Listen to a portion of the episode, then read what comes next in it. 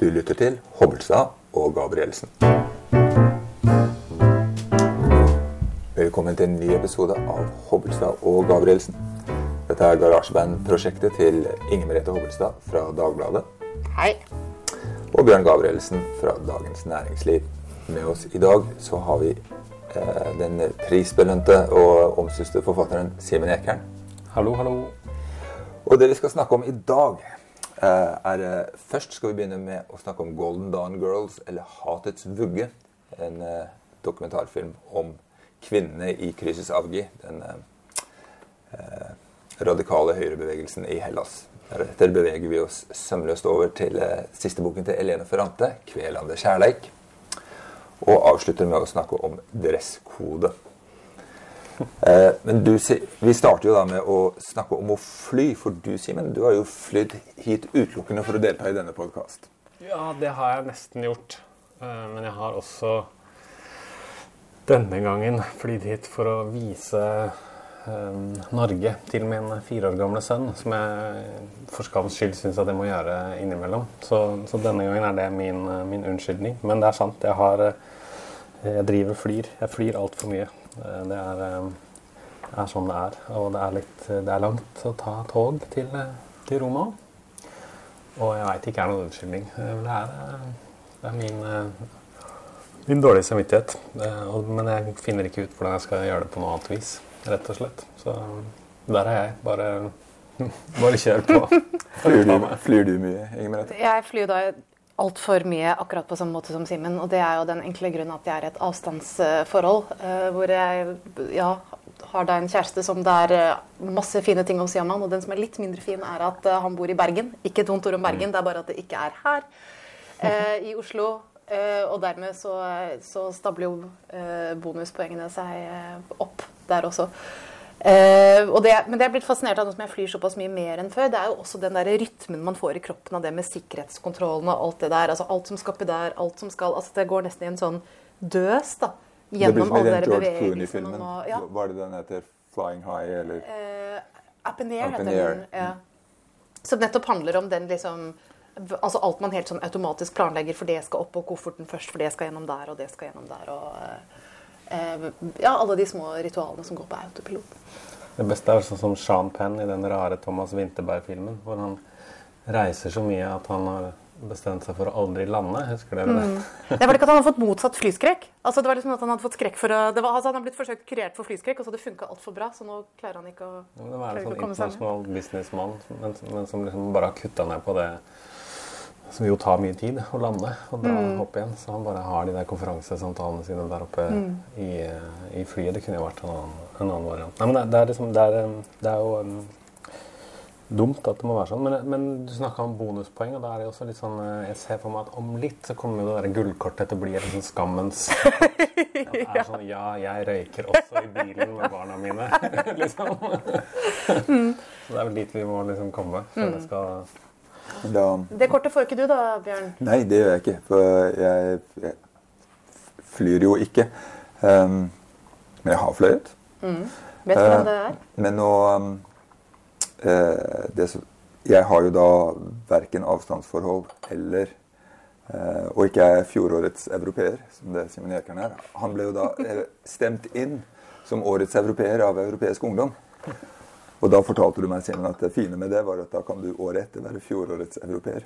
Um, uh, så, jeg, så jeg kjører jo knallhardt eh, på tog, og da kona var i Paris, så tok jeg tog dit. Og da hadde jeg jo en herlig sånn smøgg følelse da jeg kunne være på TGV og drikke vin og tenke på alle som sto i, i security på flyplass. Problemet med den type Eller ett eh, Det er flere problemer med, med, med å ikke fly. Det, det å reise er faktisk ikke så mye et problem. Men, men mye er jo den, den rare sånn selvforståelsen man får. Det har jeg opplevd også når jeg har vært vegetarianer. At da går man inn i en butikk, og så det første, Man blir veldig slått av hvor mye kjøtt det er i en butikk. Tenker, og så, så begynner man å tenke om de andre kundene. At ja, der står dere foran likene som dere skal meske dere med. dere. Uh, og, og eh, når jeg da tar Jeg har tatt en hel del tog i, det siste, og da Det er så fint å ta tog. Ikke? sant? Man, man tenker mye på åh, Og så ser man fram til de eh, Jeg har jo luftet for barna at eh, før de reiser hjemmefra, skal vi ta transsimirske og eh, Det virker som så mange spennende prosjekter man kan gjøre uten å måtte stå i det, det jeg oppfatter som veldig ydmykende av hele en flyplassituasjonen. Men eh, miljømessig er dette helt topp. Eh, og stressmessig er dette også helt topp. Personlighetsmessig er jeg ikke så sikker. altså. Det er artig det du sier med ydmykende. Jeg husker jeg var ute og fløy en av de aller første dagene de hadde det, den regelen med at du måtte ta med deg alt, alt flytende i en sånn eh, gjennomsiktig liten sånn bag. Og da sto alle, altså Det var en sånn underlig beklemt stemning i sikkerhetskontrollen. Der alle sto med den lille plastvesken foran seg. fordi det er jo noe veldig avslørende ved det, egentlig. Altså det, det det sier, er jo her er det jeg trenger for å bli meg selv Ja. om morgenen. Og enten du er han mannen på 50 med deodorant og én dobbeldusj, eller om du er hun dama med sånn 25 små ampuller, så er det litt flaut. Ja. Eller var det da? Ja. For det har, det har vi vel fått renset av oss. Og eh, det er jo samme med- er jo med den skanneren der, eh, der de ser gjennom klærne dine. Og Da tipper jeg færre og færre heftes ved det. da. Ja, nei, det, jeg merker, akkurat det der, Når jeg flyr så mye, så har jeg mistet all, all skam på det. Men når jeg skulle fly nå sammen med sønnen min, så måtte jeg ta av skoene. Eh, Og han er fire år. Det syntes han var utrolig flaut. Det går ikke an, mente han. Og, og skulle, skal det gå gjennom den maskinen uten sko? Nei, det det syns han egentlig var det rareste som skjedde på den Du er- du er et på barn den- med integritet. På den Ja. turen, ja. ja det mente han. Kanskje Og som en sans for at det er noe sivilisert over sko. da. Det er kanskje et eller annet med at det er noe av det som... Man tar jo eh, av seg skoene sjeldnere i eh, Italia enn i Norge når man kommer på besøk, for f.eks. Det er jo noe veldig rart egentlig å drive og ta av seg sko hele tiden. Så jeg ser jo poenget hans. Mm. har du noen gang vært i eh, Hellas? Det har du jo. Jeg har Siden- vært hele, altså. Siden vi skal snakke om da, eh, filmen 'Hatets vugge'. Både som, både som turist og som journalist. Og, eh, og har jo da også snakket med Krysesavget-folk. Eller hvor langt har du dratt den der? Jeg har snakka med noen eh, tilhengere av eh, Golden Dawn, men aldri laget noen svære reportasjer om den bevegelsen. Men jeg har vært ganske opptatt av, av dem, fordi de har jo hatt så stor innflytelse på, på bevegelser andre steder eh, i Europa også. Men da jeg var der, var det, var det Syriza og, og venstresida som var, eh, var tema. Ja. Mm. Men Krysesavget har jo da fått 17 eller Er det ikke noe sånne tall? Jo, de er jo den liksom, ytre høyre-bevegelsen eh, som, som vel har fått flest stemmer i liksom, vært blitt med i det parlamentariske systemet på en måte som ingen andre av de, av de tilsvarende bevegelsene som i så stor grad har vært opptatt av vold. Da. For eksempel, det er jo en hel masse liksom, ytre høyrepartier som vi, som vi vet, som eh, er inne i parlamentet rundt omkring, men, men de skiller seg jo fordi de framstår som så aggressive, eh, og likevel da får så mange stemmer. Så, så sånn sett er det jo en ganske spesiell og, og spesielt interessant case på en større trend. Jeg syns det ofte er interessant ved disse gruppene å se hva i sin egen mytiske historie de griper til. Da, altså som trekkes frem som sånn forbilder eller noe man skal eh, etterligne. Og noe vi ser i denne filmen, er at de snakker om Sparta. De kaller seg spartanere. Og, og det de trekker frem, er jo kong Leonidas. Og det var jo han som da holdt eh, da, eh, byen mot eh, perserne. Da de kom for å invadere sammen med da disse 300 mennene som eh, selvfølgelig visste at de eh, ofret seg eh, for, å, for å da eh, berge byen. Og det kan jo hende at denne forestillingen og dette identifiseringen med Leonidas og sparterne er litt preget av denne filmen der Leonidas gestaltes av eh, Jared Butler, som åpenbart har tilbrakt seks timer daglig de siste to årene i helsestudio for å kunne fremtre på den måten det åpenbart var meningen at han skulle fremtre i denne eh, filmen.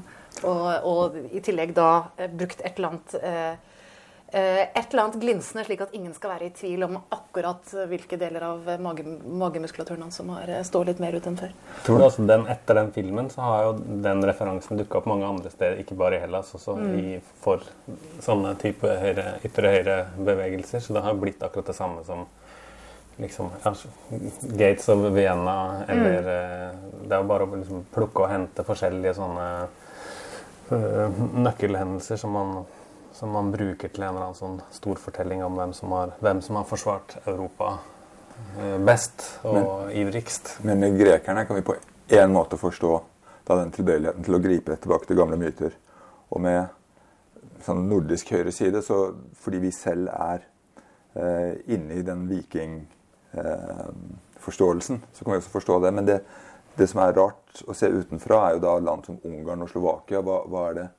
For oss er det bare rare, små land eh, langt borte. Hvilken storhet har de eh, å vise til? Og ungarerne de hadde jo eh, i mellomkrigstiden, da de opplevde at det ble eh, panslavisme eh, på den ene kanten og pangermanisme på den andre, steden, andre kanten, så utviklet de jo panturannisme. Som da er Hvor de fant slektskap mellom seg selv og iranerne. Som da partiet Jobbik har eh, blåst liv i igjen. da, Slik at det er mye sånt samarbeid mellom da de ekstreme høyre i Ungarn og Iran. Hm. Eh, noe som på en måte fasiliteres av at eh, sånn an, motstand mot muslimsk innvandring er så selvsagt i Ungarn at det har ikke vært nødvendig å ha et være som eget tema for Jobbik. Også fordi det ikke er noen muslimer Nei. i Ungarn. Nei. Nei, ikke sant. Men nå snakker vi veldig om dette eh, maskuline og dette og eh, Sparta var jo selvfølgelig en ekstremt maskulin kultur, en krigerkultur, ikke sant. Der, eh, det er jo liksom dette myteomspunnet med disse barna ble satt ut for å dø hvis de ikke var eh, potensielle Altså viste tydelig nok at de var potensielle krigere og sånn. Eh, men dette er jo en film om kvinner. Eh, og som er da intervjuer med medlemmer av Gyllent daggry og familiemedlemmer til de sentrale eh, personene der. Og det er jo da knyttet til denne skal jeg se om jeg husker navnet riktig, det er vel Nikos eh, Mikaloliakis, kan det stemme, som han heter. Og datteren hans da eh, Orania, som tar litt sånn over 26-åring som tar litt over partiet når faren blir fengslet. Og Det er på en måte en interessant tilfelle med Gyllent daggry i seg selv. Men jeg ble sittende og se på det og tenke hva er det med disse døtrene? For det er hun Orania her, og så har du Le Pen-familien i Frankrike. ikke sant? Og nå ser vi jo litt sånn Ivanka Trump som sendes ut som farens eh, surrogat. da. Altså Hvorfor får disse døtrene en slik posisjon som de får, da, med, med denne sterke mannen som eh, Eh, sånn, for, for, det ser man jo ellers at i sånn veldig sterkt patriarkalske systemer så er det likevel aksept for å ha en kvinne aller øverst. Mm. Indira Gandhi, Benazir Bhutto um, uh, Som i, i, begge tilfeller er døtre mm. av, av, andre politikere. Da, da er det greit. Mm. Men kan det også være, fordi dette er jo noe som veldig mange andre vil altså Vi vil jo protestere på at verv går i arv. ikke sant? At folk skal velges, det skal være deres kompetanse, deres ideer som, som avgjør det. Men i disse bevegelsene så virker det å være en, nesten en selvfølge at familiemedlemmer rykker opp eh, eller har liksom store ansvarsoppgaver. Da. Og har det med å gjøre at det er på en måte nettopp fordi det er så orientert mot blod eller mot lojalitet? eller mot, Kan det ha noe med det å gjøre? Eller du som jo skriver til stadighet om dette, Simen? Jeg tror jo at det kan ha noe om det i denne filmen her, men det vi, det vi ser i den filmen, er jo at døtre og kvinner tar over eh, så lenge mennene er i fengsel. Mm. Og så mm. ser vi også at med en gang mennene kommer tilbake fra fengsel, så ja. er jo deres så rolle Så rykkes de tilbake med en gang, med å, liksom. mm. til og med med å trille barnevognen ja, i bildet. Jo, mm. eh, også, også, så det er jo helt forskjellig fra fra Le Pen, da, som, ja. som, du nevner, som jo ganske riktig er datteren til den store lederen, men som jo også har mm, fått ganske mye motbør innad i partiet, fordi mange er mot en sånn dynastisk uh, organisering av, uh, av uh, Nasjonal Front. Mm. Um, og der tror jeg nok kanskje heller det handler om en som er en bred trend da, i ytre høyre-politikk i Europa, at kvinner som ledere er bra, er bedre å ha for en del av de partiene som har måttet liksom komme seg videre fra en arv som har blitt sett på som for uh, dyster, for problematisk. Da. Sånn som Nasjonalfronten med Le Pen, der han var djevelen. Du trenger uh, Det fungerer bedre med en kvinne som selger et budskap som av mange i offentligheten oppfattes som for aggressivt og for skummelt og for mørkt. Da. Uh, og at det dermed var bra for Alternativ for Tyskland å ha fra Åke Petri som leder, inntil hun jo ikke lenger ble leder. Da. Men det har i hvert fall vært skrevet en del om det, og mange som har eh, argumentert ganske godt for at det har vært liksom, en bevisst strategi fra noen, selv om det jo hele tiden er maktkamper og mange menn som ikke vil gi fra seg makten. Mm. Men det, det, tror jeg er et poeng. Da. Jeg tror at det er et poeng å, å, å ha en, en, kvinne som leder hvis du leder et parti som, som, eh, som har blitt sett på som, som altfor alt skummelt. Mm. I dette tilfellet så er jo også denne Orania, datteren til partilederen, ingen selvskreven lederskikkelse. Hun er en lubben, litt nerdete mm. jente med, med, briller. Det virker det mm. som på meg at det ville vært vanskelig for henne å styre et Altså, hun fremstår vel snarere som altså Når hun sitter her og har disse sånn som dette videoklippene av henne altså Hun fremstår jo som forbløffende lite reflektert, eh, egentlig. Og det er sånn at jeg sitter og tenker at Er det en eller annen sånn hundefløyte jeg ikke fanger opp her? For jeg syns jo det virker så Hun virker veldig klønete i sin mm. fremstilling. På en måte jo selvfølgelig eh, eh, andre familiemedlemmer av, eh, av forskjellige politikere ikke, ikke er, da.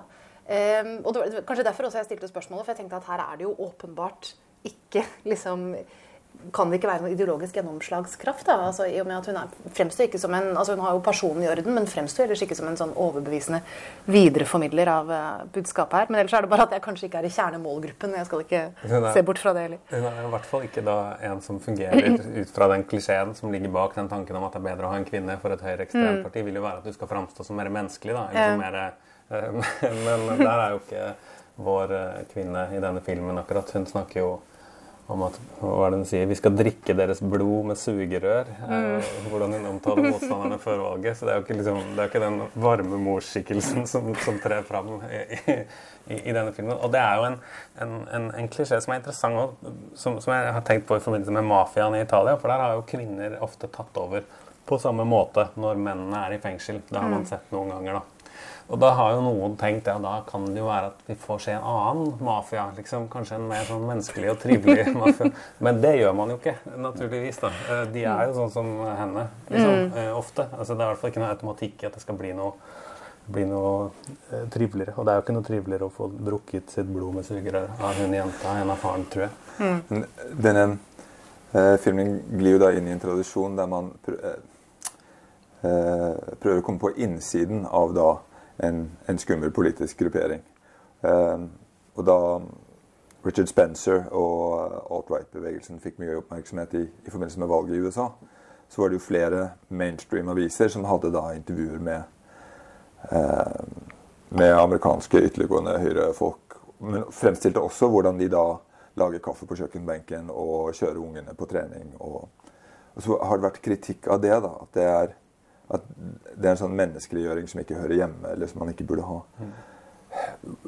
Hvordan syns dere at denne filmen funker i, i forhold til det?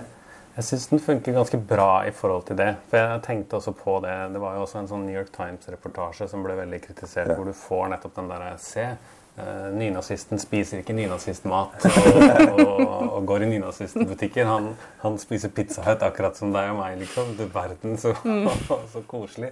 Men det som er fint i denne filmen, er jo de, denne rare måten å bruke han, Det er jo sånn metaperspektiv hele tiden, hvor han Vi ser jo regissøren hele tiden før opptak, og, og, noe av det jeg liker best, er egentlig de samtalene han har med intervjuvektene før han begynner å filme.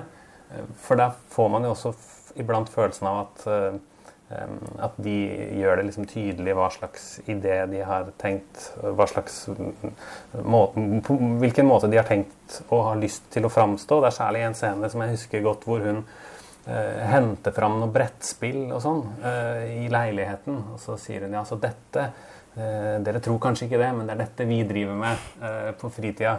Vi driver liksom ikke og ofrer geiter eller sånn. Vi spiller brettspill akkurat som dere. Men da får du iallfall den følelsen av eh, at dette er jo en villet greie fra dem òg. De har jo skjønt at det er lurt å framstå som mm. vanlige folk. Så du får alltid det spillet mellom liksom, hva er det egentlig du gjør nå? Driver du og later som du er noe annet enn du er, eller gjør du ikke det? Det syns jeg er ganske morsomt mm. gjort i filmen. Og i de vekslingene også, der, der de går fra å være når de vet at de er på, eller de skal holde tale, så er de veldig aggressive og holder sånne overbevisende eh, politiske taler. Og så slutter de, og så er det sånn Var ikke det greit, da? Det var, sa, sa, vi ikke 30 sekunder? liksom? At vi kommer liksom inn bak noen steder. Og av og til så funker det ganske bra. Og det gjør vel også at man kommer unna kanskje noen av de der fellene, da. Mm. Jeg er enig i det, og enig i at det også ikke sant, Ved å få ved de samtalene, som du sier, så får man jo også eh, Man får med seg at begge, altså alle har en interesse av at noe fremstår som altså En ting er hvordan man er og hvordan man lever, men en annen side er hvilken side av måten man lever på som man er interessert i å vise frem fordi det har nettopp denne effekten, at det blir menneskeliggjørende og det. Men jeg tror også at det, det er litt skummelt hvis man kutter det ut. fordi da kan man gjøre at de ekstreme ikke sant? Da, da er det bare den ekstreme siden av dem som teller. Og da blir det lett å bare tenke at de er noe drastisk annerledes mm.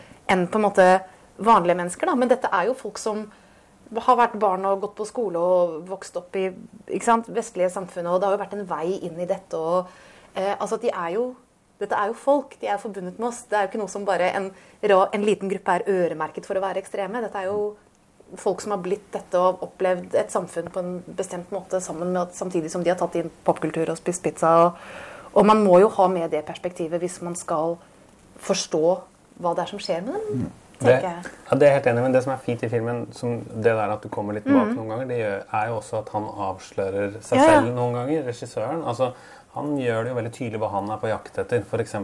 på slutten av filmen så blir han nesten sånn på gråten, eller i hvert fall veldig sånn oppgitt over at ikke hun kan ta avstand fra nazismen. Kan du ikke være så snill å si at du ikke er nazist, mm. i det minste? For han har jo blitt kjent med henne og har sett liksom Og, og den derre jakten på at hun skal si at hun i hvert fall ikke liksom Eller at hun ikke liker Hitler, eller sånn. At hun, liksom, du må ta avstand fra det vi alle kan være enige om er ondt. Det er jo også en sånn uh, greie som jeg tror mange gjør litt feil når man skal skrive om sånne typer bevegelser i dag. At Man tenker så lenge de liksom sier at de ikke uh, liker Hitler, så har vi i hvert fall det på plass. Liksom. Da er det ikke den historiske nazisme vi snakker om, da er det noe annet. Mm. Men, men, da tror jeg ofte at man leter litt uh, feil, da. både motstandere og tilhengere. At, at det handler liksom ikke om at ting skal gjenoppstå igjen akkurat på samme måte som det var i mellomkrigstida, f.eks. Eh, og, og, og, det er en sånn feilslutning som, som, mm. som, mange gjør, både motstandere og tilhengere av disse bevegelsene, at alt liksom egentlig handler om å dra det tilbake til Hitler og Mussolini. Altså, hvis vi liksom får snakka om det, så er vi ferdig med dette. Uh, og det tenker jeg at han surrer litt til for seg selv. Og det er ikke så veldig relevant egentlig hva hun mm. mener om Hitler. Det som er relevant, er hva denne bevegelsen står for å gjøre i Hellas i dag. da. Mm. Men, men, det har slått meg, det kommer veldig sterkt frem i denne, men jeg har også sett i tidligere andre fremstillinger av, uh, av høyreekstreme, at den uh, veldig uttalte motviljen med å spille med på mainstream-medias regler uh, Og det er sånn man lurer på har de hatt bøllekurs, eller har de hatt For dette er altså så gjennomført. altså Den helt klare avstandtagen fra den type problemstilling, da. Mm. men så tenker jeg også at den Eh, i den historiefremstillingen for å da ta avstand fra nazismen, så har man kanskje av og til fremstilt nazismen som så grusom at ingen, ingen kan bli med. Eh, og, det, og, det, har jo på en måte vært eh, tenkt med de beste intensjoner. Vi må fremstille det som så ille. Altså, det er jo så ille. Eh, men det gjør at man ikke har vært i stand til å gjenkjenne trekk som har vært felles med nazismen.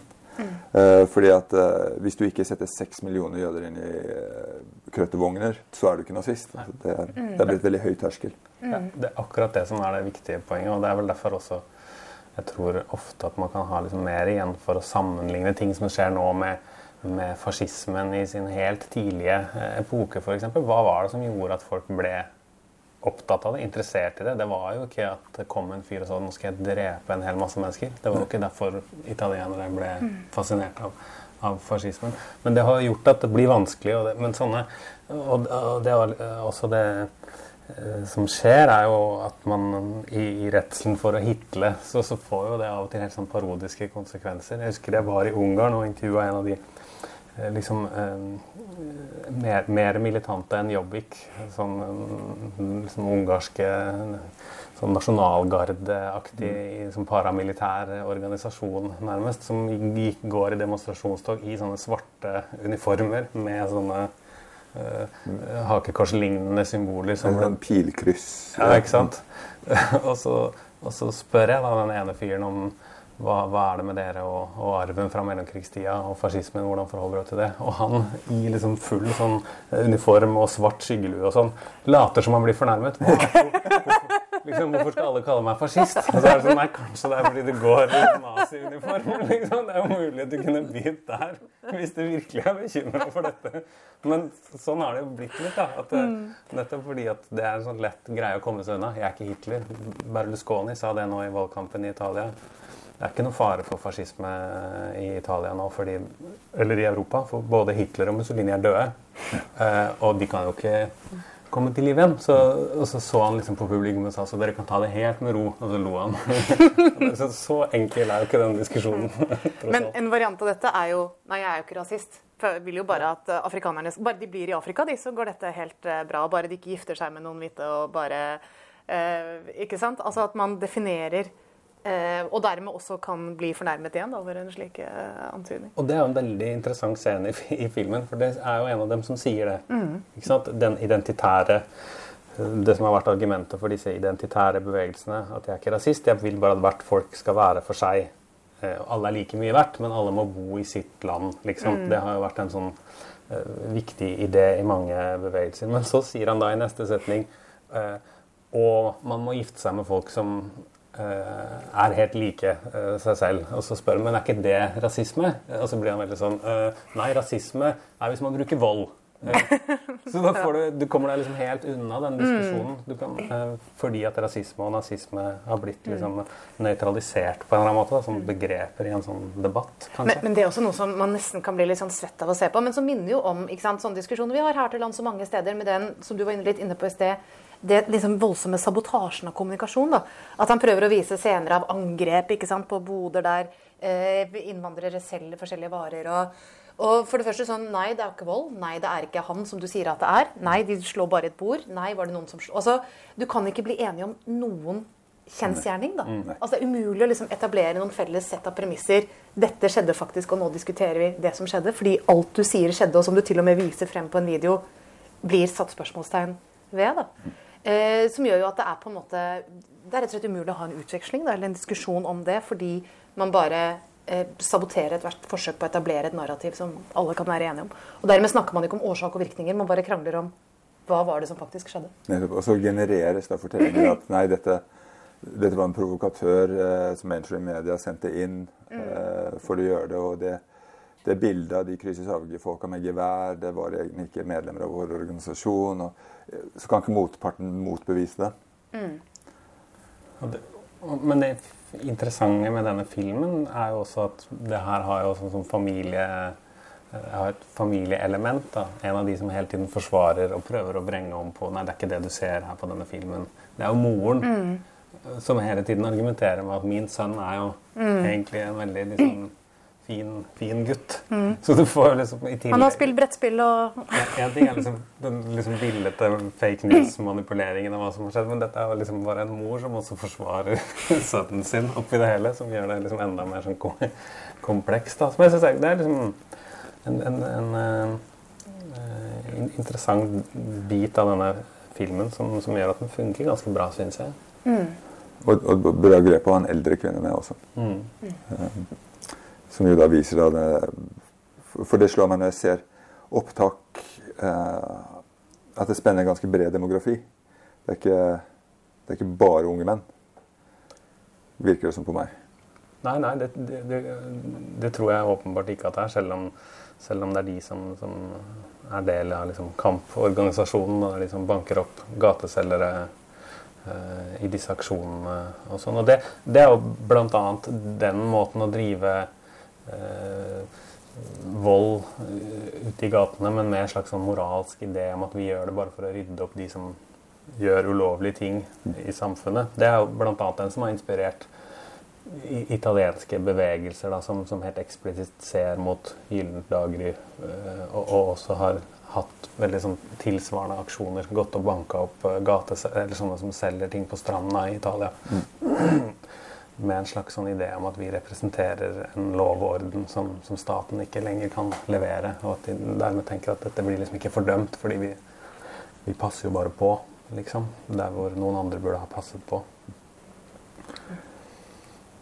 Dette blir jo en litt sånn klein overgang, men siden vi befinner oss i Middelhavet eh, så er jo da også Elena Ferrante aktuell med en ny bok. i anførselstegn. Den har jo til og med kommet ut på norsk før. Mm. Da på bokmål, men uh, denne gangen uh, på nynorsk. Som på en måte er blitt uh, den måten man, man, leser Elena Ferrante på. og den har dere lest, 'Kveldende kjærleik'. Hva handler den om? Den handler om da en kvinne, som det jo ofte gjør hos Elena Ferrante, Eh, som får beskjed om at moren hennes er eh, død, druknet. Antagelig sånn villet druknet, har druknet seg. Og drar tilbake til hjembyen, som igjen så ofte hos Ferrante er Napoli. Eh, og prøver å finne ut hva det var som egentlig eh, skjedde med moren. Hva som egentlig var bakgrunnen for denne, eh, denne svømmeturen, eh, som kanskje ikke var noen svømmetur. og nøster jo opp da et trekantdrama i sin mors bakgrunn, som viser seg å ha noen ganske eh, mørke sider, og hvor hun kanskje også selv har spilt en rolle som hun etter hvert begynner å eh, få mer grep om. da.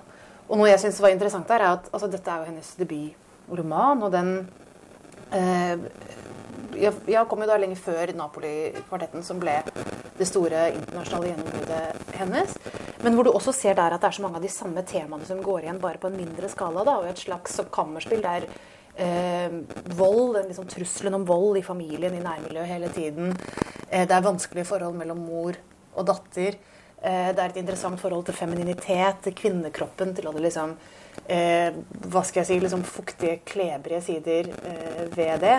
Så det er på en måte på en mye mindre skala, med et mye mindre persongalleri, så ser du jo mye av de samme eh, knutene da, som hun plukker på i denne boken også. Hun har snakket ganske mye om det, eller hun eller han. da. Vi vet jo fortsatt ikke helt hvem, hvem vi snakker om uh, er. Men, men, den følelsen man jo får i denne boka også, er nettopp det her En ting er liksom mor og datter, at det er et forhold både er vanskelig å, å komme vekk fra hvis man skulle ville det, og det er også vanskelig etter hvert liksom å skille her. Hvem er jeg, og hvem er min mor oppi dette? Men han snakket ganske mye om det for han, hvordan det var sånn hun opplevde oppveksten. Eh, at det hele tiden var så innmari mange mennesker rundt henne. Og at ideen om å være liksom et, eh, et individ som var avsondra fra de andre, var helt sånn absurd og, og mm. virkelighetsfjern. Da. Og det syns jeg man ser i denne romanen også, hvordan man hele tiden disse menneskene er så tett på, både fysisk liksom på bussen, enten det er liksom mm. den eldre mannen som, som, står og gnikker seg opp mot uh, unge jenter, men også det her mor- og datterforholdet. Og at man liksom, det er så tett på at man går rett og slett liksom nærmest over i å i, leve det livet som moren uh, har levd. Eller at det er veldig vanskelig å liksom vite hvem jeg er og hvem de andre er. Og det er i hvert fall veldig vanskelig å sette sånn klare grenser mellom, mellom hva som er hva. Som jeg syns er veldig i, i, interessant i den boka, som jeg tenker også kanskje minner om det man har lest av henne ellers. Mm. Og det er jo altså eh, I Napoli-kvartetten så er jo dette da som sagt det er enormt mye større, sånn spraglete verden. Og det er veldig mange folk som liksom omtrent tegnet opp det der persongalleriet, slektskartet, på begynnelsen for å huske hvem som var hvem. For det er på en måte 45 personer eh, som er brødre og søstre og fettere og kusiner, og, og som man må forholde seg til eh, fra begynnelsen. Men noe av det som, altså i hvert fall i de bøkene som er en effekt av det, som jeg alltid har syntes har vært interessant, er at dette fremstår jo som veldig feminine bøker. på mange måter. De er veldig barske, men samtidig veldig feminine. Um, og det minner jo om altså måten med at man navigerer hele tiden etter alle de folka som hvem har slått hvem, og hvem er uvenner med hvem, og hvem har Noen ringte og sa at det skjedde. ikke sant? Altså Det er på en måte litt sånn fortellingen gjennom måten kvinner har opplevd verden på. Da? De som har vært hjemme, fulgt med barn, snakket med de andre mens eh, fedrene har vært på jobb. For dette foregår jo også i et miljø der det er slike rollefordeling mellom kjønnene eh, som regel er. Og dette blir jo en liten sånn eh, digresjon, men eh, noe av grunnen til at jeg også liker det, er at den liksom, utvekslingen av informasjon da, om relasjoner, om folk, om hvem som har gjort hva, den har jo ofte blitt beskrevet negativt når det gjelder kvinner. Det beskrives som sladder. det beskrives som, Og jeg husker at i det faktisk første diktet som er skrevet av en europeisk arbeider, Stephen Duck, i 1735, som skriver om treskerens arbeid. Hvor han sliter, hvor vanskelig det er. Men han som skriver det diktet, han er ikke sinna på liksom, Det er ikke systemkritikk, han er ikke sinna på godseieren, men på de damene liksom, som sitter og snakker. Eh, og liksom I stedet for å reise seg og jobbe. Og jeg har alltid tenkt at dette universet er en litt sånn oppvurdering av det. da i det komplekse i det, i det overlevelsen som ligger i det. Bare å være orientert om hva alle foretar seg, og hva som er egentlig er relasjonene mellom mennesker, og hvor de er eh, på vei. Som jeg alltid syns har vært litt kult. Men du må jo gjerne ta comebacket. Som eh, fulgte etter dette diktet om uh, hvor hardt Treskerens liv var. Ja, det er jo da uh, Nå er vi jo langt vekk fra Italia, men det er jo da en vaskekone, Mary Collier, som skriver et svar eh, til Stephen Duck eh, etter dette, også på rim, også med å påkalle musen og alt det som, som han gjør. Og bare forteller om alt dette liksom, sirkelarbeidet som kvinner gjør. Tallerker som blir skittent og må vaskes igjen. Klær må vaskes, strykes. Alt det der som Altså det reproduserende arbeidet, da. Og hvis jeg ikke tar feil, så er det vel hun som coiner ordene uh, 'A woman's work is never done'. Hmm. Men da var vi altså et stykke fra uh, Ferrante. Men, men, men, i min dayjob, uh, uh, der jeg da skriver på nattbordet i, i, Dagens Næringsliv, så har jeg jo da uh, kunnet loggføre en slags sånn Hva er demografien til Elena Ferrantes lesere? Og det er jo i overveldende grad kulturelt interesserte corporate damer mellom 30 og 50. Mm. Eh, ekstremt få menn som, som leser henne. Ekstremt få. Og Det er sånn, jeg får et problem den, de to-tre gangene en mann har lest Elena Ferrante, at eh, det blir kleint hvis jeg overdriver hvor mm. altså hvor uh, selvstendig han er, da. Som, han, som han valgte, valgte. Fordi at altså, det blir litt sånn ovenfra og ned og klappe noen på hodet. Um, for det har um, Her så er det sånn at de bøkene har kommet ut uh, omtrent samtidig. Det er blitt en greie. Har hun den rollen blant italienske kvinner? Eh, hun har nok til en viss grad det, men det er interessant uh, å se, syns jeg, at hun virker som hun i noen grad liksom har jeg har ikke fått den samme sånn stjernestatusen i Italia. I hvert fall ikke på samme måte. Sikkert litt også fordi forfatterskapet jo har vært kjent mye lenger. Og det har ikke liksom kommet som en sånn bombe etter at uh, New Yorker har skrevet om det, eller etter, etter, at alle leser det i Norge og alle leser bøkene i Frankrike og sånn. Men det virker som det er litt en sånn stor i utlandet-affære. da. Hun har jo ikke uh, i noen særlig grad blitt nominert til Italias viktigste uh, litteraturpriser, f.eks. Nå har det blitt litt, ble litt debattert uh, sist, hvorfor hun ikke har det. Og det handler ikke bare om at det er dumt å ha en et, et pseudonym som kommer opp og tar imot prisen. Men, men mener mange i Italia da, at det har vært en sånn at hun ikke liksom har blitt sett på den samme måten. Eh, og seinest eh, i, i, vinter så var det en svær artikkel i Italia, Italias liksom, viktigste nyhetsmagasin, der en ung mannlig forfatter eh, skrev at han stadig blir spurt av utlendinger hva er det som gjør Ferrante så, så fantastisk. Og han skrev, og jeg må svare, jeg aner ikke. Og hadde en ganske sånn lang og kritisk gjennomgang da, av det han mener er eh, eh, en litteratur som på mange måter er gammelmodig, som ikke er nyskapende på noe vis på den samme måten som andre både mannlige og kvinnelige italienske forfattere som skriver i dag, er, mente han. Uh, han gikk til og med da så langt som til å liksom antyde at mye av dette handler om at den engelske både den engelske og den franske oversettelsen var, så vidt han eh, hadde forstått, eh, så bra at den kanskje gjorde bøkene enda bedre enn de var på, på italiensk. Veldig sånn skeptisk fyr. da, Paolo di Paolo heter han. Um, men det interessante som jeg kan tenke meg liksom har noe for seg, er at han kritiserte liksom, bildet av Napoli. Da. En del av de liksom, livsbejaende beskrivelsene av luktene i oppgangen og Uh, og det, liksom det mørke Napoli, men samtidig det lyse, det menneskelige Napoli. At han mener at dette er klisjeer. For en italiener er dette mm. klisjeer, mens det kanskje for utenlandske lesere at man slipper unna med en del ting som ikke, som ikke forstyrrer på den samme måten.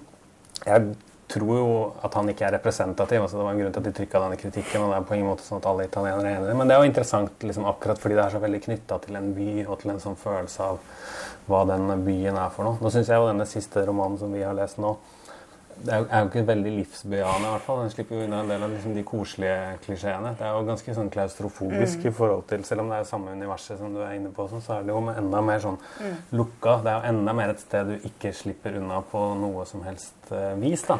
Absolutt. Altså, jeg tenker at Det er som et sånn sug nedover. Det er en sånn, sånn, sånn livmor som bare trekker alt tilbake igjen, uh, på en måte, denne, denne uh, romanen. Men så lurer jeg på, altså, for det er jo sterkt sosialt aspekt også i dette. For noe av det som er, brukes sterkt symbolsk da, i både denne romanen og i Napoli-serien, er jo dette med å snakke dialekt. Ikke sant? Om du snakker den napolitanske dialekten, så det, handler dette i mange tilfeller om kvinner som har kommet seg vekk fra Napoli, som har et annet liv, som har en eller annen sånn kunstnerisk, eh, litterært, og da snakker de italiensk. Og så kommer de tilbake, og hvor, hvordan man da snakker sammen. ikke sant? Det er jo en slags forhandling hvor det er masse sånne små stikk som kan sendes. Eh, eh Dette er jo veldig gjenkjennelig for nordmenn. Altså, ja. Norsk har et eget ord for det der. altså mm. knote. Ja. ja. Mm.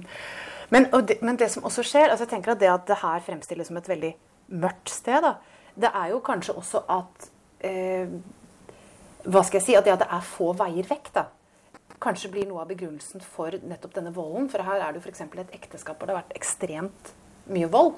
Uh, og hvor det også gjør at denne ektemannen, altså hovedpersonens far, uh, har denne uh, litt sånn kona som har en viss mystikk ved seg, som syr disse vakre klærne, og som får kontakt med en annen mann som har dette. Altså, han er ikke noe høyt på strå, han er knyttet til en butikk. men kommer i disse dressene sine og har med seg en æra noe litt annet, da, som faren nok føler at han ikke kan kanskje konkurrere med. Altså Hvis hun bestemmer seg for å dra med ham, eller hvis hun trekkes mot det, så hva skal han kunne stille opp med da? da? Um, og, som resulterer jo i en sånn um, altså voldsom, et sånn merkelig paradoks. da, At han maler litt sånn nakne versjoner av denne, av denne eh, spennende kona si og gjør en viss kommersiell suksess med det. Men altså banker henne opp bare det er den minste antydning til at hun har noe å gjøre eh, med en annen mann. Men denne andre mannen, Caserta, mm. eh, representerer jo heller ikke akkurat noe sånn uh, fullbyrdet, uh, luksuriøst liv. Liksom. Han har vel heller ikke helt fått det til sjøl, da. Mm. Um, men det er interessant også, for han heter jo navnet på en by utafor Napoli, Caserta. Mm. Så han er jo på en måte både et sted og en fyr, da. Og, og, og, det slo meg bare når jeg For den eneste gangen jeg har vært i Caserta, det var for å, å lage reportasje om søppelmafiaen. Og da intervjua jeg en lege som, som, eh, som, snakket om hvordan eh, mafiaen i Italia graver ned liksom, eh, livsfarlig avfall i nabolaget hvor de selv bor, og så blir barn født med misdannelser pga. det. Så det slo meg som en slags sånn parallell til, til, den følelsen av å ikke, ikke, slippe unna i de områdene. her. Er, det en måte du virkelig ikke slipper unna, så er det jo hvis du blir født sjuk fordi du blir mm. født der du, der du, gjør. Så det navnet har jo uh, for meg en litt sånn uh, ekstra dyster, dyster uh, klang. Men mm. det fins jo også andre kasertaer. Altså. Men, men, men, det er jo Det er ikke noe fryktelig lyst, lystig mm. opplegg vi er med på her i denne boka. Og så er det jo på en måte to nivåer av ikke å slippe unna. da. Og som kanskje gjør denne boken mer sånn klaustrofobisk enn f.eks. Napoli-bøkene. For der er det jo en hel verden der ute som hun hovedpersonen reiser ut i, da, selv om hun hele tiden forholder seg til Napoli. Men her er det jo altså Hele handlingen foregår jo eh, rundt der hun har vokst opp. Så én ting er om man kommer seg vekk fra byen og fattigdommen og volden der. Og så er det det knyttet til om man kommer seg vekk fra sin mor, da, om man kan bli et atskilt menneske fra, fra, sin mor. Og i ingen av tilfellene så lykkes vel egentlig det, eh, det helt. Eh, og, dette med, og, dette med, moren, det at hun er så fascinert av altså Dette er jo en bok som er Jeg nevnte det litt i sted, tror jeg. Men altså så orientert mot alt hva kvinner gjør. Da, altså Menstruasjon, barbering av eh, ben. Eh, altså De intime prosessene til kvinner som man blir uforvarende kanskje ser for mye av da, når man lever så tett på hverandre som, som de gjør her. Um, men selv om dette er knyttet til det stedet, så er det jo også der, der den er nesten en sånn freudiansk eksistensiell ting. Altså, jeg begynte jo også å tenke på en veldig interessant bok jeg leste i våres, som er skrevet av en psykolog som heter Deborah Tannen, sakprosa, som handler om forholdet mellom mødre og døtre. Den boken heter talende nok 'You're Wearing That'. Eh, og den begynner altså med en scene hvor eh, en datter i 40-årene står og kutter opp tomater sammen med moren på kjøkkenet, familiefest. Og så sier moren sånn henslengt og kutter hun opp på den måten. Og datteren sier ja. Og så går det litt tid, og så sier hun er det noe galt med måten jeg kutter dem opp på. Nei, nei, jeg tenkte bare hvis du gjorde det på en litt annen måte, så ville det være bedre når. Og resultatet er at datteren står ti minutter senere, sydende av selvforakt, kutter opp tomaten slik moren har foreslått at hun skal gjøre det.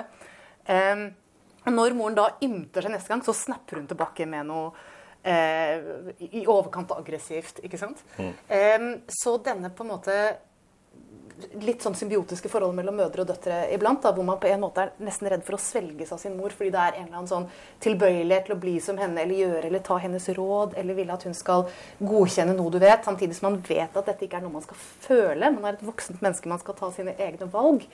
Eh, er jo en interessant eksistensiell erfaring, da, som jo også tas kanskje litt sånn ut i det ekstreme, da, må man vel kunne si. Jeg var på eh, venterom til legen nylig, og da var det eh, tre generasjoner. Altså det var eh, bestemor, hennes datter og baby. Og så tar mammaen fram da Når man får kjøpt det i disse dager, er en sånn fruktsmoothie som man får på en pose. Um, så hun åpner den, og så gir hun den til, til babyen. Og så sier da hennes mor, bestemoren, sier at jeg, jeg kommer aldri til å kjøpe kan den ikke bare få grøt? Eller, og da, da, så jeg for meg alt det du sier. Ikke? I den ene setningen så jo hele deres forhold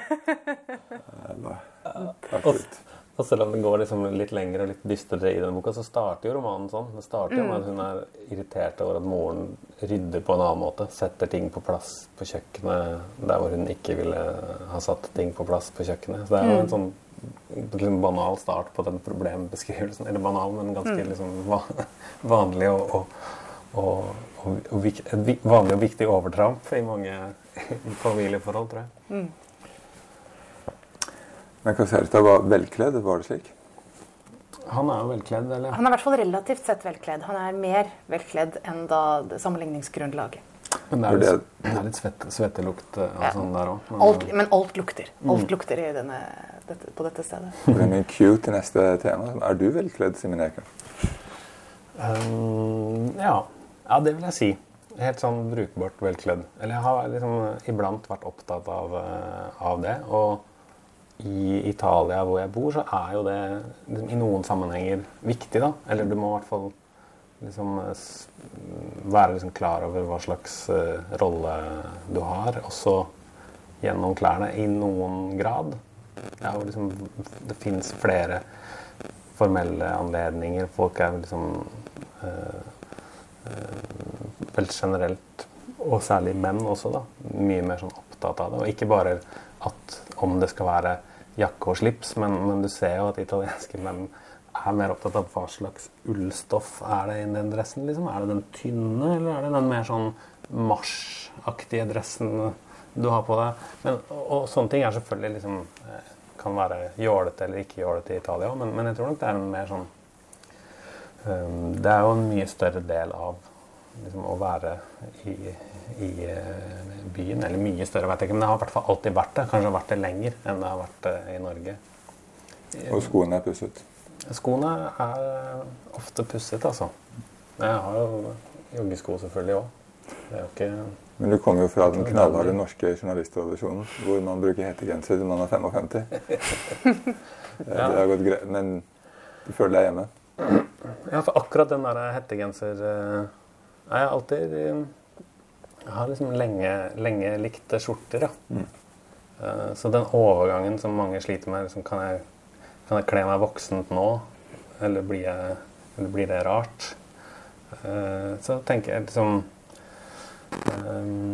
ja, jeg trenger ikke å ha Jeg har ikke liksom Bursum-T-skjorta som, som Gyllent daggry-tilhengerne for øvrig. Det glemte vi å snakke om. Men, men de har jo en, en scene hvor de, hvor de har vår stolte norske nasjonalarv på, på, på klærne.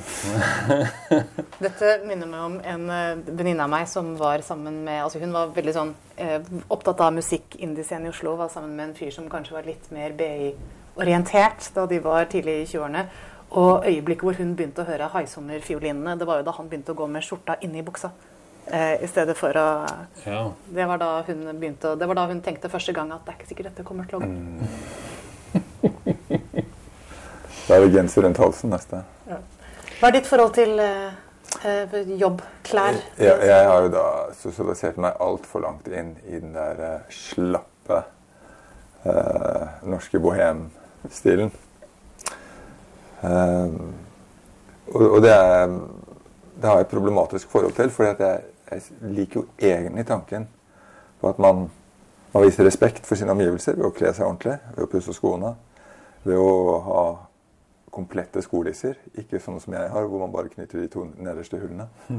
Um, men så er det, det er en utfordring med Og, og så har jeg begynt å gå oftere med dress bare de siste ukene. De siste ukene? Ja. ja helt, altså sånn at jeg, jeg, har jo aldri gått dress, med dress på jobb, Ja. Men nå har jeg gjort det. Eksperimentert med det. Mm. Ingen kommenterer det. Um, Men føles det annerledes? ja, det, ja, det føles annerledes. Og det er, det er bedre. Um, en utfordring med dress er at en dress er laget for mest én type modus. Um, den er laget for, for kontorarbeid og for altså, urban sosialisering. Um, å slepe fire handleposer fra Rema og hente unger og ta dem med på trening det, på grunn av tidsårsaker så ble det slik at jeg hentet ungene og tok dem med på trening. Og for den minste så er det sånn at de voksne trener sammen. Og da måtte jeg jo trene brasiliansk kampsport i dress. Eh, og var jo rimeligvis den eneste av pappaene som, som gjorde det. Men litt sånn James Bond-aktig over det. Ja. Det, det var en som sa til meg at uh, man kan være kul på tømmerhoggermåten eller på James Bond-måten. Og nordmenn er det i altfor liten grad på James Bond-måten. Men det du sier også, det minner, jeg, minner meg om. Altså, hva er det egentlig som styrer hva man har på seg hver dag? da? Og jeg tenker det er på en måte, altså egentlig til enhver tid, og det er på en måte tre faktorer. tenker jeg Det eneste En ene er bare din egen litt sånn fantasi om deg selv og bare hva slags stil du tiltrekkes av, og plagg du syns er vakre og det. Og så er det hva du skal, altså hva som passer seg, hvordan de andre kommer til å være kledd, hva som er koden. Og så er det hvor kaldt det er. Eller om det regner. Eh, og Men noen driter i det siste. Det syns jeg er ja, litt noen, interessant. å se. eh, noen eh, Jeg kan jo iblant, merker jeg, føre kanskje ha et visst medlemskap i den, den eh, klubben. Eh, men det jeg merker også, er jo den der gleden over å kjøpe det plagget og se for seg der og der. Å, skal jeg ha det på deg? Og så ser du at når det kommer til stykket, så veier de to andre faktorene såpass tungt. da. At det er relativt sjelden det blir som idealløsningen lar seg, lar seg helt Dette er årsaken til fine kjoler i skap som aldri brukes. Men jeg hadde for min del hadde, har jo, eh, fant jo veldig sånn altså Etter at jeg skrev bok, og sånn, så holder jeg foredrag iblant. Og da kan jeg alltid si til meg selv at jeg trenger en ny foredragskjole. For det er jo en helt bestemt sjanger. ikke sant? Du skal være litt sånn opp fra det helt vanlige, men samtidig er det ikke cocktail, det er ikke stropper, det er ikke eh, så, så det er liksom Da ga jeg meg selv litt carte blanche da, til Kan- å Men eh, kan dere historien til de outrerte ABBA-kostymene? Dette er en veldig svensk historie. Og det er at eh, for å trekke opp på skatten eh, eh, Klærne de brukte på scenen, så måtte de kunne ha en overbevisende forklaring på at dette var klær som ikke kunne brukes i annen sammenheng. Og ser man på de klærne som ABBA brukte, så de kunne jo ikke brukes i noen annen sammenheng. Så det var skattemessige årsaker i, i børen. Men noe som er interessant, er at jeg vet ikke om det er vel et tilfelle andre steder, men i Norge, da, hvis det er bestemte ting du ikke bruker eller ikke, så er det noe jeg med jevne mellomrom faktisk blir spurt om. Og til en viss grad må forklare eller forsvare. Eh, og det ene er at jeg som regel går med hølte sko. Og det andre er at jeg nekter å gå med ryggsekk. Eh, og ryggsekk bare av estetiske grunner, og fordi jeg er litt av det samme, men også fordi man går på en annen måte. Da, men altså, begge deler er jo altså Joggesko og ryggsekk er jo det åpenbart beste for ryggen. Og jeg har litt eh, eh, ryggproblemer. Men altså det å bare henvise, bli spurt om hvorfor å bare henvise til estetikk, da. Eh, det er det er på en måte litt vanskelig. Og hvis du sier det, så føles det også som du kanskje implisitt kritiserer de som går med joggesko og ryggsekk. ikke sant? Så det er et litt vanskelig argument å, å fremføre. Men det er kanskje noe jeg ser på som litt særnorsk. Det er litt vanskelig for meg å, si at, for, å se at eh, eh, man vil bli, få spørsmålet 'hvorfor går du ikke med ryggsekk' da, på kontinentet, som jeg får jevnlig, eller i Oslo. Ja, det tror jeg er ganske sånn etnisk eh, definert. ja. Fins det mange hipster-ryggsekker som du kunne eksperimentert med. Men eh, Nei, jeg kan, jeg kan ikke se for meg noen ryggsekk som ville kledd Hobbelstad. Ikke én. Men det er vanskelig. Så det der dress på jobben er jo eh, jeg har, jeg har flere, kjenner flere som har hatt sånn, litt sånn tilsvarende eksperiment som deg. Nå, nå skal jeg ha en uke med dress på jobben og se hva som skjer. Og det som skjer, er jo ofte som du sier, at man ikke får noen kommentarer. Og det er jo selvfølgelig fordi at man ser jo seg selv mye mer som eh, en fyr som har tatt på seg en dress, enn, det, enn det de andre enn det de andre gjør. da. Men jeg, liker, jeg må si jeg, liker, jeg har, ikke, har egentlig nesten aldri hatt en jobb hvor jeg har hatt dress. eh, Men jeg jobba i FN i New York og var sånn intern. og da var det, da måtte man ha liksom slips og jakke. Det fikk vi beskjed om, da. Eh, Og jeg var liksom 20 Noen 20, eller Men jeg husker jeg likte det veldig godt. Fordi jeg tok meg selv på. Også I tillegg til at du går inn i liksom FN-bygningen i New York, selvfølgelig, som i seg selv er liksom et løft fra liksom jobb, jobb, jobbfaglig. Men det er noe Og jeg bodde på et sånn forferdelig shabby, eh, kjipt rom med en skummel dobbermann og en gal latinamerikansk kunstnerinne som eh, Det var liksom veldig mye gærent med den liksom, bosituasjonen min. Ikke noe som, men så liksom, tok jeg på meg det slipset om morgenen. Og så gikk jeg på jobb i dress og slips. Og det ga noe, det. altså. Jeg, eh, jeg må si, det, det har nok egentlig liksom vært litt, eh, holdt seg litt eh, for meg. At det er en slags Så lenge man liksom klarer å ikke se på seg selv som en som går i et kostyme, da. Men at du liksom klarer å overbevise deg selv om at ja, det er faktisk det er meg det i dag. I dag er det meg. Og derfor også slips er jeg veldig opptatt av. fordi ofte i Oslo, hvis man er på Tjuvholmen Det er mulig at dette har endra seg, men for et par år siden så var det en sånn solfylt vårdag, og så kommer alle ut fra de liksom, meglerjobbene. Og veldig mange i sånne dyre dresser, da. Men nesten ingen slips. Det er sånn, du har sånn mørk dress og så skjorte uten slips. Eh, og det ser for meg veldig sånn megleraktig ut. Eller det er noe utrolig sånn uferdig over det. Så jeg føler at man ser liksom min Men det er jo tanken at slips blir for mye, liksom. Men der velger jeg å gå liksom andre veien. At da er det liksom egentlig da er, er det mye bedre å ha et, et bra slips. Da Da har du liksom, det er det en slags sånn komplett greie greie over det. Den derre gjøre det liksom halvveis.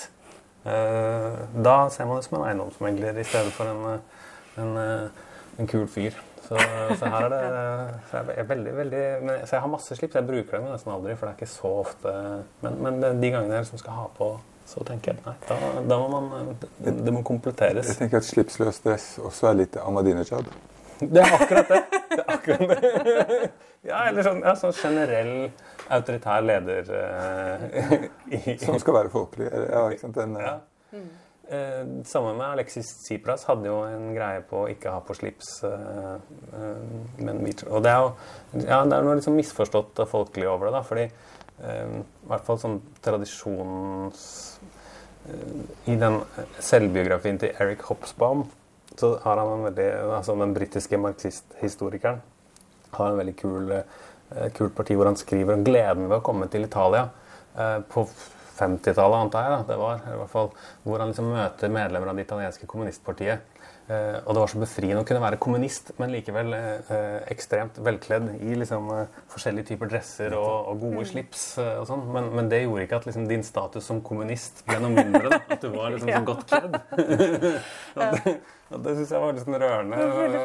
Hopsbom som endelig liksom Jeg trenger ikke å, jeg trenger ikke å, å tulle det til med å late som jeg, jeg liksom ser mer folkelig ut enn det, ikke, det, ikke, det ødelegger ikke politikken min liksom, å, være, å ta hensyn til estetikken. Det er, Men- er viktig. Men, men apropos Italia. altså Jeg tror jeg var i Roma første gang jeg var 16 eller 17 eller noe. Jeg husker Vi var på Via Veneto ganske midt på dagen, og så plutselig var det fullt av bare sånn enormt velkledde mennesker da, som skulle ut og spise lunsj. Og det var sånne lyse dresser og sånne nydelige kjoler. Jeg holdt på å besvime av, av lykke. Og, og det hadde litt med å gjøre at da hadde jeg vært sånn tenåring, for 90-årene var jo veldig sånn det var Levis og Dr. Martens og rutete skjorter. og Det var en veldig sånn androgyn stil på mange måter. Og jeg hadde jo bare gått rundt og sett bare sånn sulten på sånne italienske parfymereklamer og sånn. Dette innsvingt og de små hattene og de hølte skoene. og- Men for meg da i Norge på 90-tallet, det var ingen måte å leve ut det på, da. Altså Hvis jeg hadde kommet til den stilen, så ville jeg sett ut som jeg var i teatergruppa. ikke sant? Jeg ville, eh, altså Det ville vært så off at det ville sett ut som du bare ikke hadde følere. da. Eh, og så da komme ned dit og se at det var en helt, kunne være en helt uh, selvfølge. Men det er veldig For, vanskelig eh, å se ut som man ikke har kledd seg ut, hvis, særlig hvis man er den eneste som Mm. gjør det, selvfølgelig. Men det er jo også en eller annen sånn greie med det, at du liksom Man må vel tenke det på en, et, Mm. et vis, da. For jeg gikk på ungdomsskolen, så jeg og mine nerdevenner Vi eh, bestemte oss for å ha slipsets dag. Vi, vi så på det som en litt sånn situasjonistisk eh, bare stunt. Hvorfor ikke komme på skolen med, med slips? Og fy fader, det tiltrakk seg bøllene, altså. Gud bedre så mye juling vi fikk.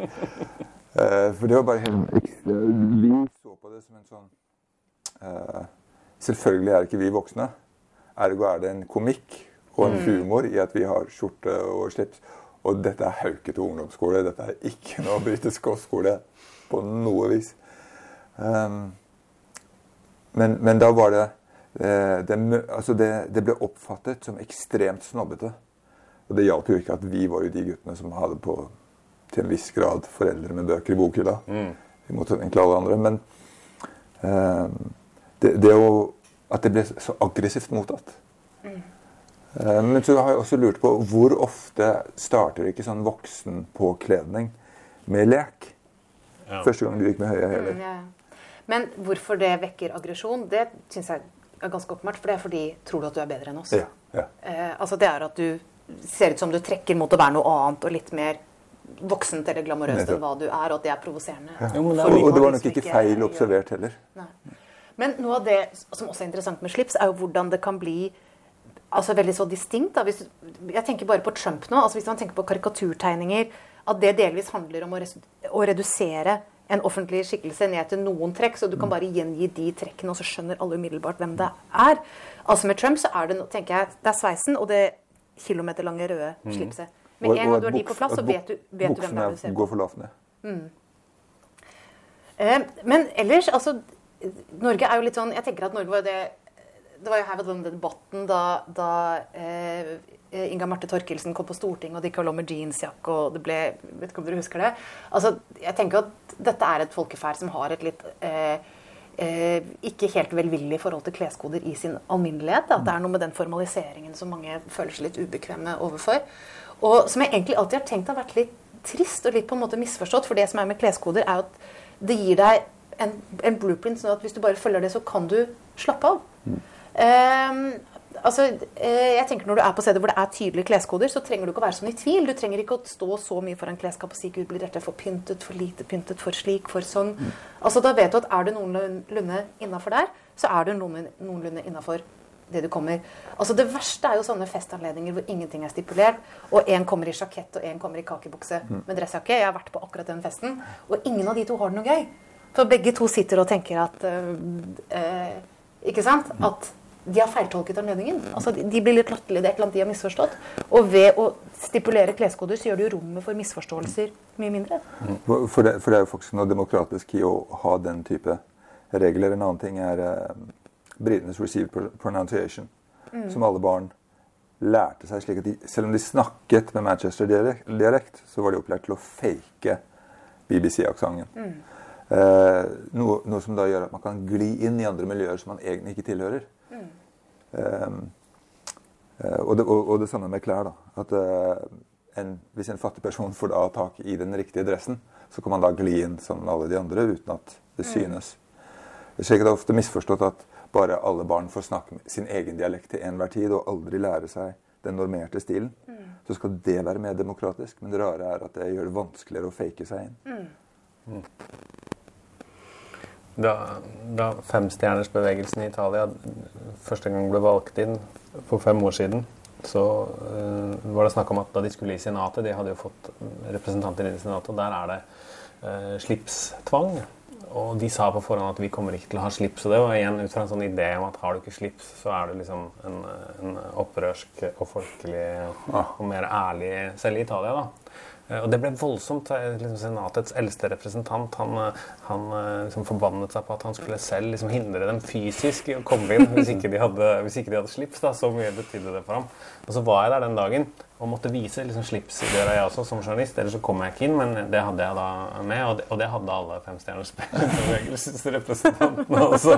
Så det var sånn det opprøret Men det var jo noe veldig sånn 60-talls over det. da, At du tenker at det er det vi liksom at det skal endre noe. At vi ikke har slips. Liksom. Det, er, det er andre ting eh, å stri med i Italia enn akkurat det. da. Men det la de nå også, la de også bort. Men det var noe litt sånn rørende over at det fortsatt har en, sånn, så enorm symbolsk potensiell kraft. da, Å ha slips eller ikke slips, liksom. At det betyr så mye. Så gjør det kanskje ikke det. Vi nærmer oss jo da slutten på dette programmet. Skal dere ut og fly med slips og høye hælte sko Til nær framtid? Eh, Jeg skal helt klart ut og fly med hælte sko, selv om det da innebærer at jeg må gå på sokkelesten gjennom sikkerhetskontrollen. Fordi spikerne i hælene de kan være våpen, så de lar deg ikke slippe gjennom uten å ha undersøkt. Jeg skal fly, eh, kanskje jeg skal prøve slipsløs dress-varianten i sikkerhetskontrollen. Se om det trigger noen sånne sånn potensiell autoritær leder fra et eh, land lenger sør. Eh, eller om jeg kommer meg, ko- meg unna det. Jeg må jo nei, jeg må jo fly sammen med sønnen min, og jeg må ta av meg skoene. Så der, der har du meg. Jeg kommer til å være Må la all estetikk, estetikk fare. Og, og se skammen i min sønns øyne når jeg vasser barbeint gjennom sikkerhetskontroll. Men tog med slips, Bjørn, det går bra. Tog med slips. Jeg skal ta om ikke så lenge nattog til Stavanger. Og da er det sånn på NSB nå at eh, den restaurantvognen er jo åpen hele reisen. Du kan eh, når som helst sette deg her med en bok og vin. Og har du ikke slips, så kommer hovmesteren og låner en, en, pen, en pen jakke og et slips, så du får sitte i restaurantvognen. Oh, man ønsker jo at det hadde vært slik. Dette har da vært eh, Hovelstad og Gabrielsen med Inger Merete Hovelstad. Takk til deg. Takk, Bjørn. Eh, og med special guest star Simen Ekern, fjorårets europeer. Tusen takk for meg i år i år òg. Og, og vi, vi ses neste uke, Inger Merete. Det gjør vi nok. Dette programmet har vært eh, redigert, eh, produsert, laget og på alle måter skrudd sammen av Inger Merete Hobbelstad og Bjørn Gabrielsen.